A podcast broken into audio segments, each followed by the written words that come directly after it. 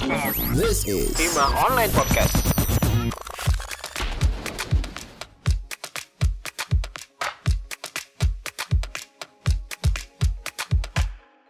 Selamat datang di Hima Berbicara. Kenalin aku Tami Amalia Sudarman. Aku biasanya dipanggil Tami. Aku merupakan mahasiswi hubungan internasional angkatan 2021.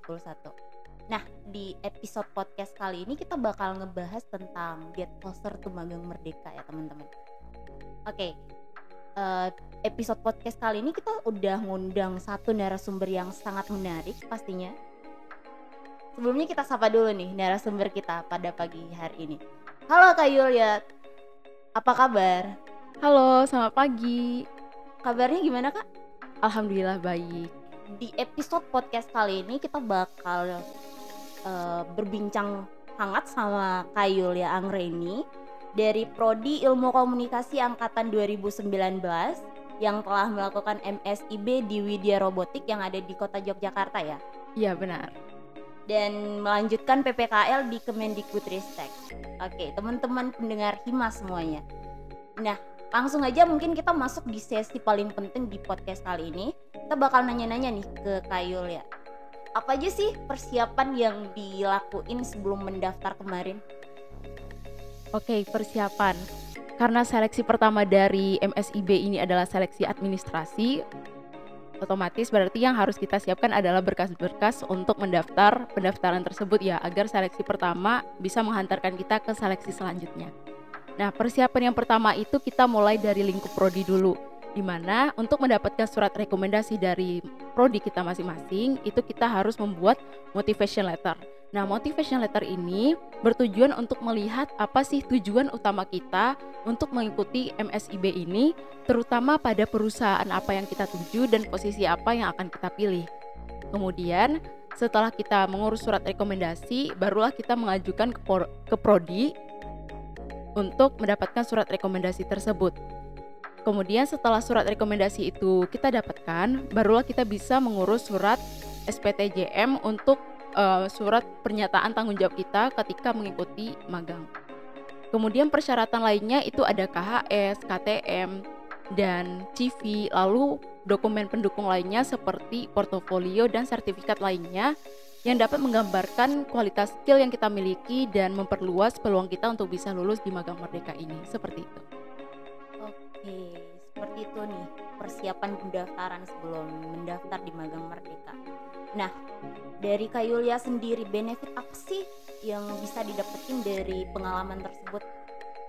benefit sebenarnya benefitnya sangat luas ya tapi menurutku magang merdeka ini hadir untuk memberikan pengalaman kepada kita mahasiswa untuk mempersiapkan diri lebih muda lebih dahulu sebelum kita benar-benar menyelesaikan perkuliahan kita dan menuju dunia kerja gitu dunia yang baru yang akan kita tuju sehingga poin utamanya adalah pengalaman bagaimana cara kita melihat dunia kerja tersebut dan mengaplikasikan pengetahuan yang kita miliki yang sudah kita pelajari di perkuliahan itu nyatanya penggunaannya jauh lebih berbeda gitu ketika di dunia kerja. Misalnya kita dari jurusan ilmu komunikasi, eh, aku dari jurusan ilmu komunikasi, maaf. Kemudian kita menerapkan ilmu tersebut dalam lingkup fokusnya itu kepada lingkup industri gitu. Bagaimana ilmu yang kita miliki bisa digunakan di lingkup industri yang berbasis bisnis dan memiliki tujuan yang lebih jelas lagi itu. Selain pengalaman, kita juga mendapatkan yang penting adalah skill yang kita sudah latih, pengetahuan yang sudah kita miliki di dunia perkuliahan itu bisa kita kembangkan lebih luas lagi di dunia pekerjaan yang lebih profesional. Jadi pengguna penggunaannya inilah yang lebih berbeda teman-teman ketika kita di kuliah fokus pada penggunaannya lebih di lingkup pertemanan kita atau tugas kuliah kita, lalu organisasi kita. Ketika kita udah masuk ke magang, pelak- pelaksanaan magang, maka penggunaan dari skill dan pengetahuan itu akan digunakan untuk pekerjaan yang lebih profesional dalam tanda kutip seperti tujuan dari tujuan yang ingin dicapai di industri yang kita daftar tersebut. Kemudian yang tak kalah penting adalah networking karena mungkin setelah kita memiliki pengalaman, pengetahuan, skill dan ternyata itu mumpuni, bisa jadi tempat magang kita tersebut dengan melihat kemampuan kita tadi itu merekrut atau merekomendasikan kita untuk menjadi karyawan tetap di tempat pekerjaan itu. Dan tentu um, hal benefit lainnya di luar hal yang berharga tadi yang menurutku adalah mungkin di sana kita mendapatkan juga itu biaya tambahan hidup ya karena ketika kita magang kita juga mendapatkan uh, biaya untuk selama kita melaksanakan magang itu seperti itu. Oke. Nah, kalau dari pribadi Kak Yulia sendiri nih, perubahan signifikan ketika menjalani magang tersebut ada nggak sih setelah atau sebelumnya? Perubahan yang signifikan ya, perubahan yang sangat berdampak menurutku, perubahan yang sangat berdampak luas gitu adalah ketika ilmu yang aku dapatkan di perkuliahan, kemudian aku masuk ke dunia kerja, caraku melihat suatu karya dari jurusanku sendiri, misalnya aku dari jurusan komunikasi, lalu ketika aku melihat suatu iklan, suatu kegiatan marketing, public uh, relation dan sebagainya, itu lebih luas dan menurutku aku harus melatih kemampuan itu lebih detail lagi karena semakin kita spesialis di bidang tersebut, semakin kita bisa membuktikan bahwa kita memiliki kualitas yang benar-benar mumpuni yang dapat digunakan secara sesuai dengan kebutuhan industri, peluang kerja itu akan semakin luas dan apa ya peluang kita untuk mendapatkan pekerjaan itu semakin besar. Gitu.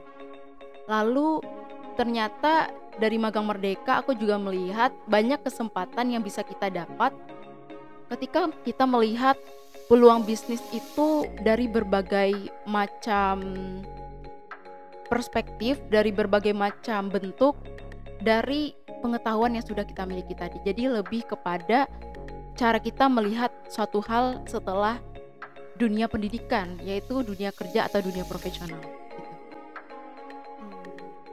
Nah, kalau boleh tahu nih kak, kan kakak dari prodi ilmu komunikasi ya. Terus uh, kok bisa sih magang di luar jurusan? Apakah itu karena ada skill sebelumnya atau memang passionnya seperti itu? Oke, nah ini menarik ya. Aku dari jurusan ilmu komunikasi tapi kerjanya itu di perusahaan Widya Robotik yang perusahaan tersebut memproduksi produk-produk uh, eh, AI gitu, artificial intelligence, gitu, vision intelligence. Tentu itu akan berhubungan dengan jurusan teknik sebenarnya ada teknik informatika, elektro dan sebagainya.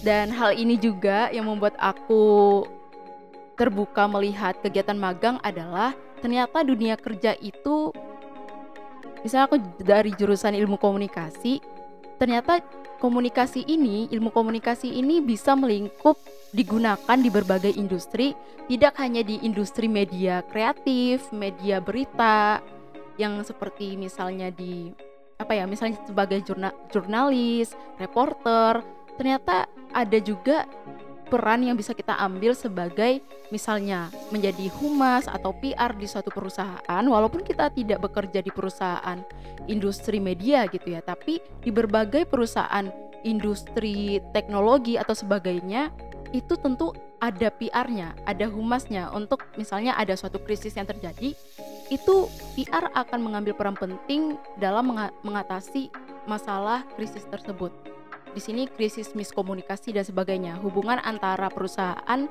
dengan masyarakat atau di luar dari perusahaan itu sendiri. Nah, di situlah PR mengambil peran. Kemudian ketika aku di Widya Robotik ini sebenarnya itu masih ada kaitannya dengan jurusanku yaitu ilmu komunikasi. Karena aku mengambil bagian bidang yaitu marketing officer. Jadi lebih kepada kegiatan marketing. Marketing yang fokusnya itu di kegiatan kita membuat artikel, lalu pemasaran secara langsung. Waktu itu ada kegiatannya aku mengikuti alhamdulillah diberi kesempatan dari perusahaanku untuk mengikuti exhibition, mempromosikan produk-produk perusahaan, lalu riset data-data marketing seperti itu. Jadi sebenarnya tidak um, mungkin industrinya berbeda dari jurusanku, bukan industri media kreatif atau berita, tapi pekerjaan posisinya nih, posisinya masih relate sama jurusanku di ilmu komunikasi yang masih berkaitan dengan kegiatan marketing seperti itu. itu tadi penjelasan dari Kayul ya. Nah, mungkin lebih personal. Uh, kalau dari pengalaman sebelumnya, itu ada keluhan gak sih selama menjalani magang di perusahaan tersebut? Mungkin dari pertemanan, time management yang kakak punya, atau uh, kendala di kuliah atau organisasi gitu ada nggak kak? Kendala dan sebagainya ya berarti ketika kita masuk ke kegiatan magang itu apa tantangannya? Oke lingkungan pertemanan karena menurutku ketika kita berada di lingkup lingkungan yang baru itu kita mempelajari lagi bagaimana cara kita menyesuaikan dengan lingkungan tersebut kita melihat bagaimana tipe orang-orangnya, bagaimana kita membaur, memulai percakapan, itu mungkin akan membantu kita dalam menjalin hubungan pertemanan. Dan menurutku itu um, apa ya? Tergantung bagaimana cara kita membawa diri kita di lingkungan baru itu sih untuk pertemanan. Jadi pada saat aku mengikuti magang untuk pertemanan, alhamdulillah tidak terlalu sulit untuk membaur karena ya kita membutuhkan keberanian untuk memulai percakapan, mengenal orang baru lagi dan menyesuaikan diri gitu ya. Lalu nah ini ketika kita magang merdeka tentu itu kita juga ada pilihan lain ya kegiatan yang lain di luar magang merdeka itu sendiri. Mungkin ada dari kita yang juga mengikuti organisasi, perkuliahan. Cara mengatasinya adalah kebetulan waktu itu aku mensiasatinya, aku mengikuti magang merdeka ini di semester 7 teman-teman. Jadi um, ketika aku semester 7 itu SKS kuliahku sudah tinggal hanya beberapa mata kuliah. Pada saat itu ada dua mata kuliah dan karena cuman dua mata kuliah itu jadi tidak terlalu sibuk nih untuk membersamai antara mengikuti magang dan kegiatan kuliah ini. Lalu bagaimana organisasi dan time management waktunya ya?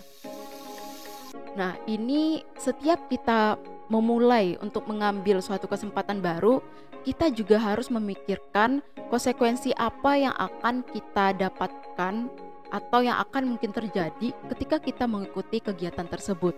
Dan kita harus mengukur konsekuensi tersebut terhadap diri kita dan bagaimana untuk membersamainya dengan kegiatan kita yang lain. Bagai apa yang mungkin akan berubah, apa yang akan berkurang. Misalnya, ketika aku mengikuti magang merdeka, hal yang mungkin akan berkurang adalah waktuku.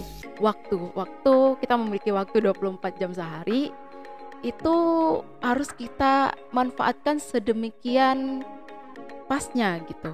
Jadi mungkin waktu bermain kita akan berkurang, yang mungkin biasanya seharian itu kita bisa main 4 jam, 8 jam dengan teman atau ke mana gitu ya. Mungkin ketika kita sudah masuk ke magang merdeka, waktu satu hari itu bisa jadi fokus untuk kegiatan magang merdeka itu.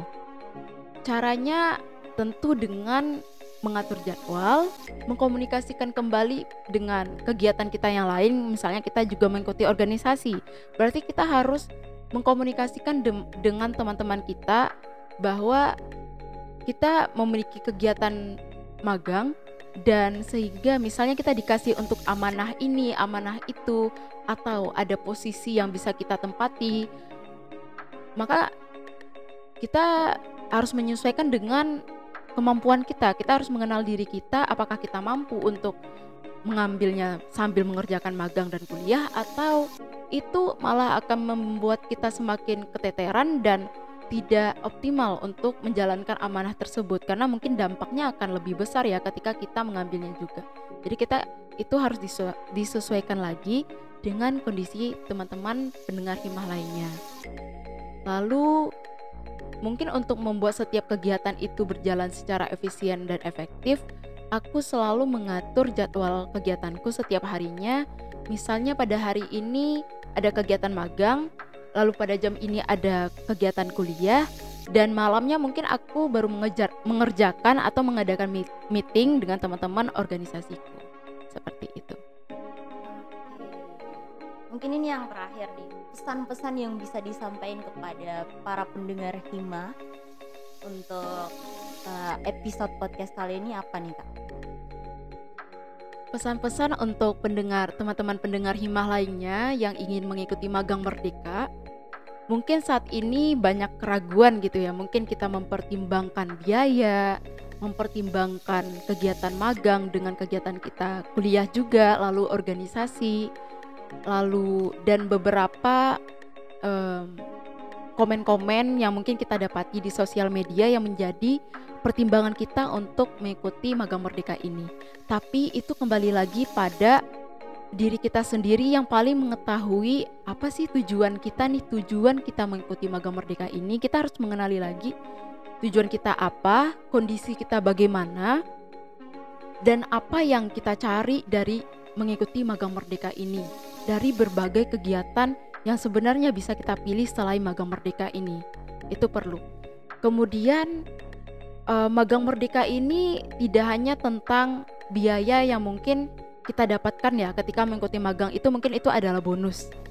Tapi yang paling penting menurutku dari poin adanya magang merdeka ini untuk kita teman-teman mahasiswa adalah ini juga yang aku dapatkan ketika mengikuti magang.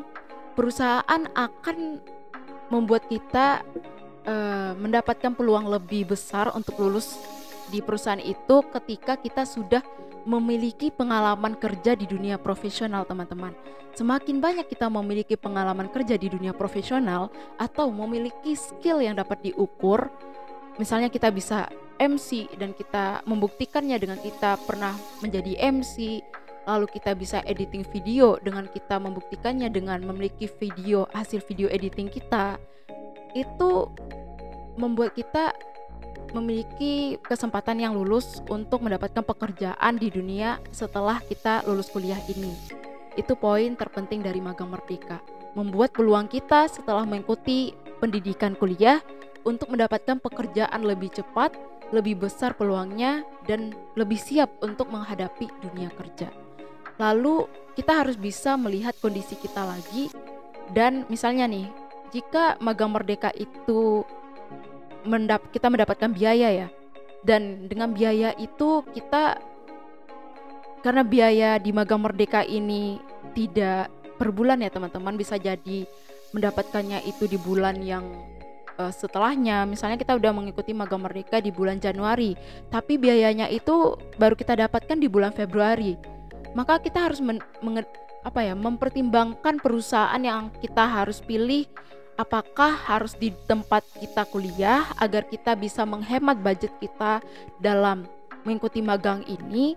Atau kita bisa mengikuti magang di tempat lain di perusahaan yang lebih apa ya di daerah lain misalnya di Jakarta dengan biaya yang lebih tentu kita tahu lebih mahal dan sebagainya.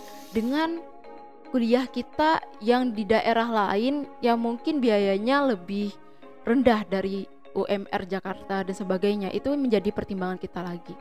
Jadi kita harus bisa mensiasati dan mencari tujuan utama kita ketika mengikuti magang merdeka ini. Itu pesanku. Nah, teman-teman pendengar Hima, itu tadi penjelasan dari Kak Yul ya. Jika dapat ditarik kembali terkait segala ucapan yang telah disampaikan oleh Kak Yulia tadi, kita bisa menggarisbawahi beberapa poin. Itu skill yang kita punya tuh sebenarnya udah bisa dikembangin di dunia pengalaman magang dan bisa kita implementasikan di dunia kerja nantinya.